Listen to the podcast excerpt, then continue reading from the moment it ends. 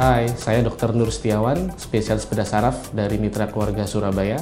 Saya Dr. Agustiana dari Mitra Keluarga Waru. Bidang spesialisasi saya adalah anestesi dengan subspesialisasi penanganan nyeri kronik dengan teknik intervensi minimal. Pada kesempatan ini, kami akan membahas beberapa hal mengenai mitos atau fakta tentang kesehatan saraf otak dan tulang belakang. Stroke hanya terjadi pada usia tua, ini adalah mitos.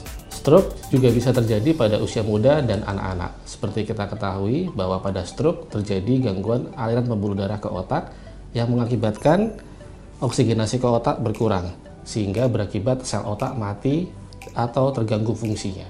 Seperti kita ketahui pula bahwa pada saat ini dengan pergeseran pola hidup dan gaya hidup, maka stroke bergeser ke usia muda dan anak-anak. Kenapa bisa begitu? Karena pada saat ini gaya hidup yang instan mengakibatkan waktu menjadi sangat berharga.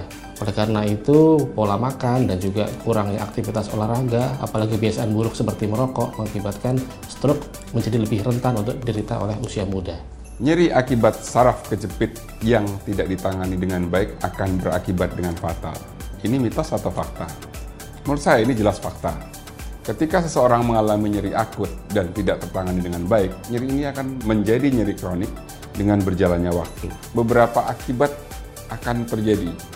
Satu, fungsi tidur kita akan terganggu, baik masa tidur maupun kualitas tidur. Kemudian, aktivitas sehari-hari kita juga akan terganggu karena kita bergerak nyeri atau kita beraktivitas nyeri.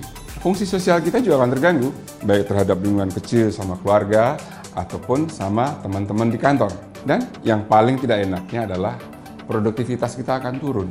Jatuh dalam posisi duduk menyebabkan kelumpuhan bisa menjadi fakta. Seperti kita ketahui, di tulang belakang banyak terdapat saraf-saraf yang berhubungan dengan fungsi motorik, sensorik, dan juga fungsi otonom. Fungsi motorik untuk gerakan, fungsi sensorik untuk perabaan, dan juga fungsi otonom untuk buang air kecil, buang air besar, dan juga untuk fungsi seksual. Sehingga apabila pada pasien tersebut mengalami jatuh dalam posisi duduk, jika saraf motoriknya mengalami penekanan, maka akan muncul kelumpuhan. Tapi apabila yang dominan adalah fungsi otonomnya, maka gangguan buang air kecil, buang air besar, dan juga fungsi seksual juga bisa terganggu. Nyeri akibat saraf kejepit ini bisa disembuhkan hanya dengan dilakukan pemijatan. Pada sebagian kasus, ya ini bisa disembuhkan. Tapi pada sebagian besar kasus kita memerlukan penanganan yang lebih spesifik dan lebih canggih.